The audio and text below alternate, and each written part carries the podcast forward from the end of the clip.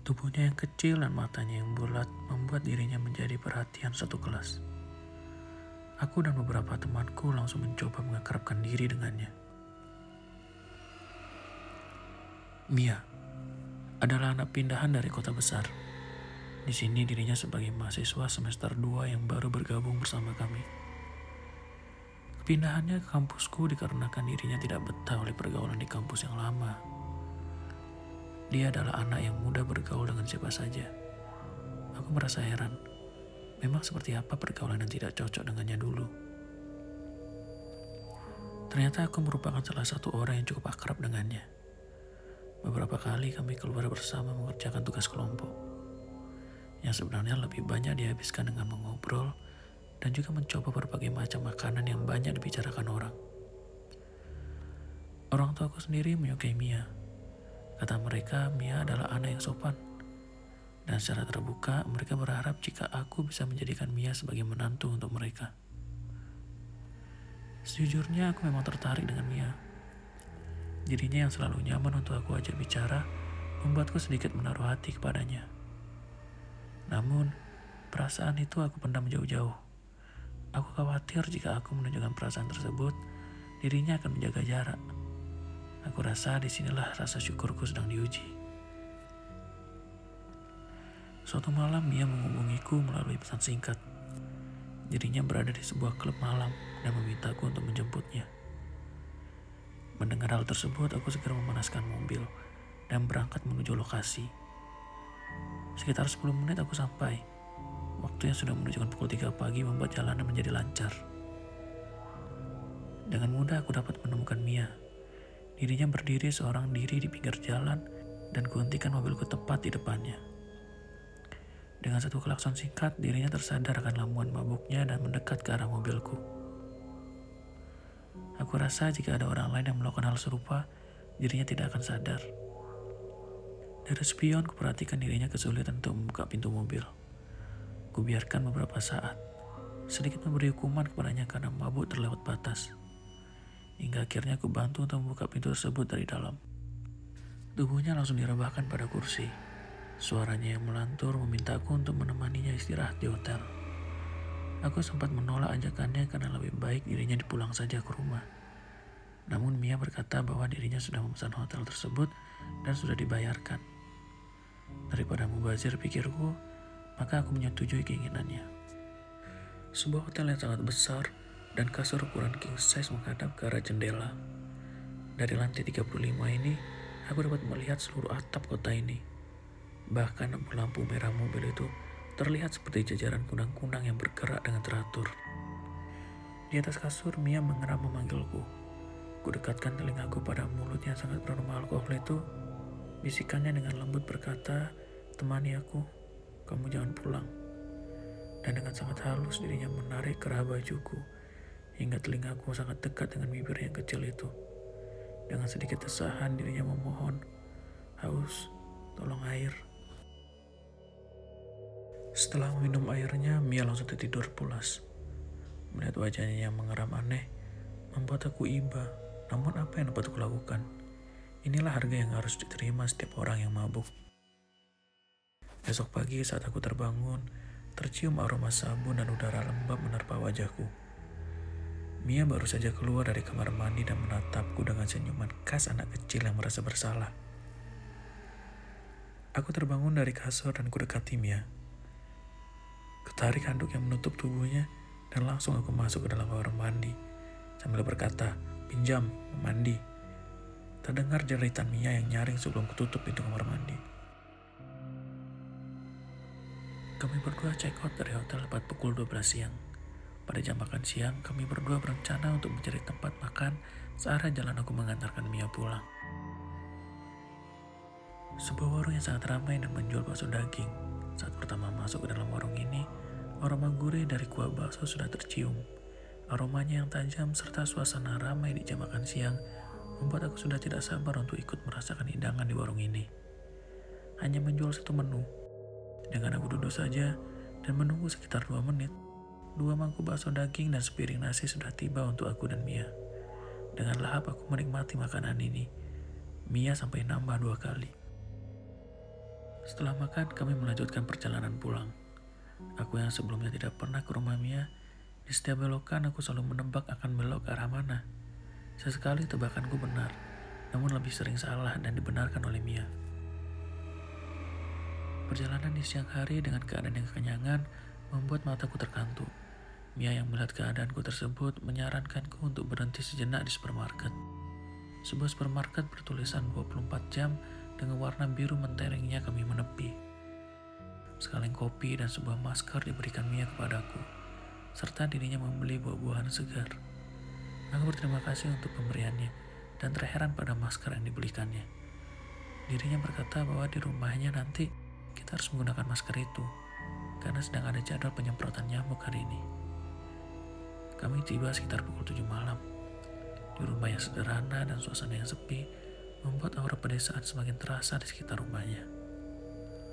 Sebelum keluar dari mobil, Mia kembali mengingatkanku untuk menggunakan masker. Namun aku tidak melihat adanya pekerjaan di rumah tersebut. Mia membukakan masker tersebut dan langsung memasangkannya pada wajahku. Dirinya berkata bahwa aroma dari gas pasti masih tersisa. Dan dirinya tidak mau jika aku harus terkena efek bahaya dari gas tersebut. Dengan perhatiannya tersebut, aku sudah tidak dapat menolak perintahnya. Dirinya juga menggunakan masker yang sama. Dan kami berdua keluar dari mobil dan berjalan menuju rumah. Saat mendekati pintu rumahnya, sebuah aroma aneh menyerang penciumanku. Aku yang merasa aneh dengan aroma ini, hingga mengerutkan dahiku, membuat Mia berkata untuk menahan aroma tersebut. Kueratkan maskerku, dan sebisa mungkin tidak akan melepas masker tersebut. Di dalam rumahnya sederhana ini, ternyata Mia memiliki selera dekorasi yang sangat jarang kutemukan. Dirinya membeli berbagai macam furniture yang sangat hebat. Kebanyakan adalah furniture klasik yang sudah jarang dijual. Perhatianku tertuju pada sebuah kotak yang berada di atas meja ruang tamunya.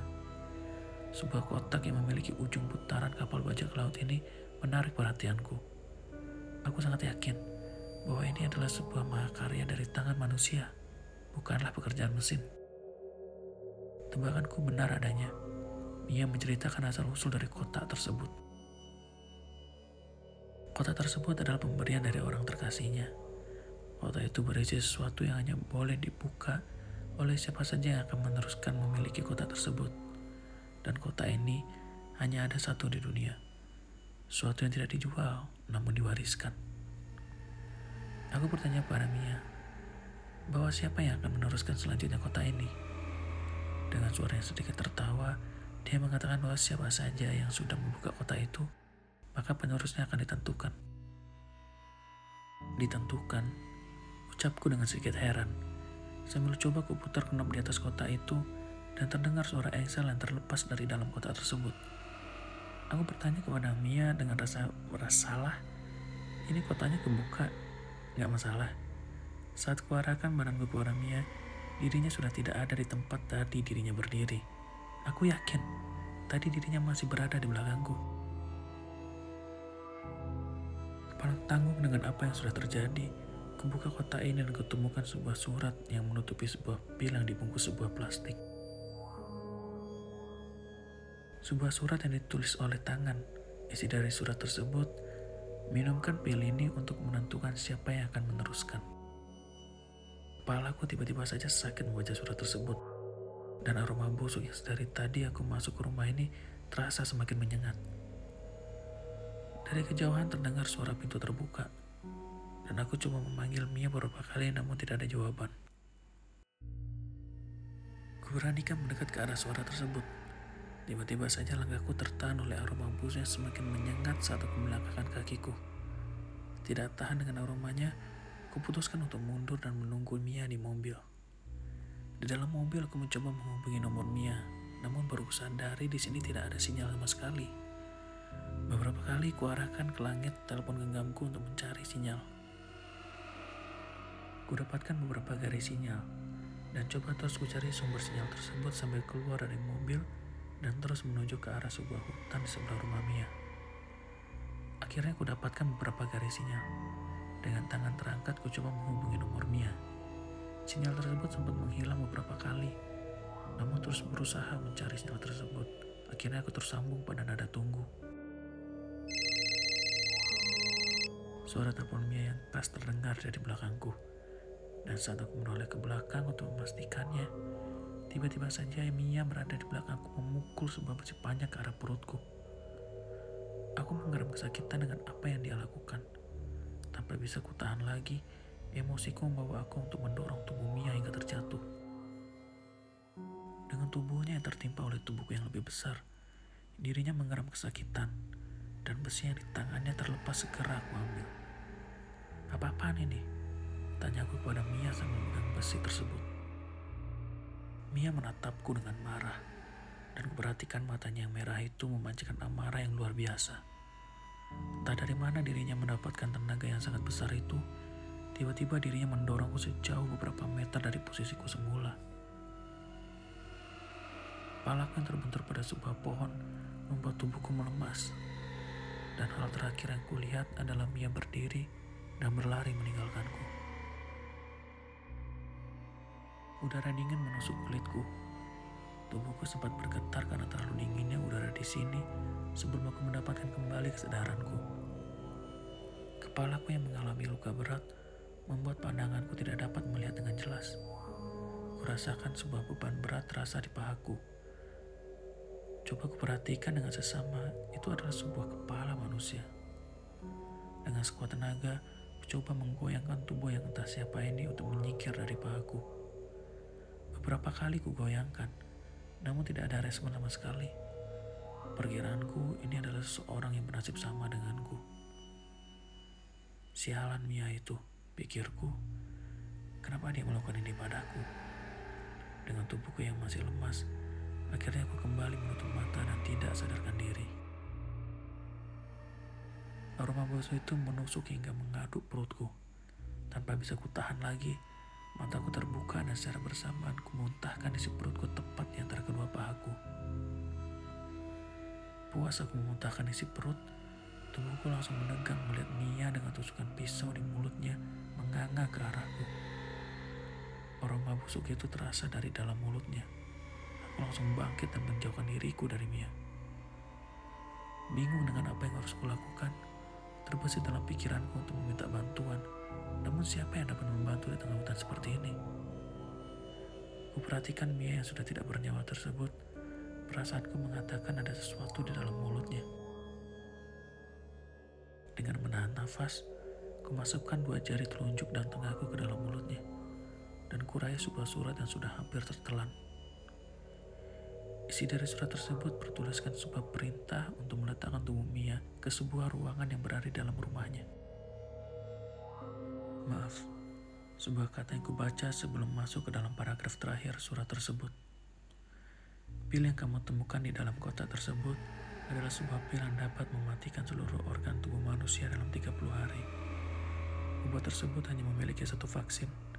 Cara untuk mendapatkan vaksinnya adalah dengan meminum darah dari orang yang sudah meminum obat tersebut. Aku tidak sanggup saat harus meminum darahmu, dan maaf, aku sudah meminumkan pil tersebut kepadamu. Di kantong celanamu, sudah kumasukkan alamat untuk mendapatkan pil yang sama jika kamu membutuhkannya. Selamat tinggal. Saat aku membawa mayat Mia ke dalam, kutemukan ratusan bahkan ribuan mayat yang sudah tergeletak. Aku lari menuju mobilku dan berkendara menjauh dari tempat ini. Kubaca sebuah alamat yang ada di dalam kantongku dan kupacu mobilku menuju alamat tersebut.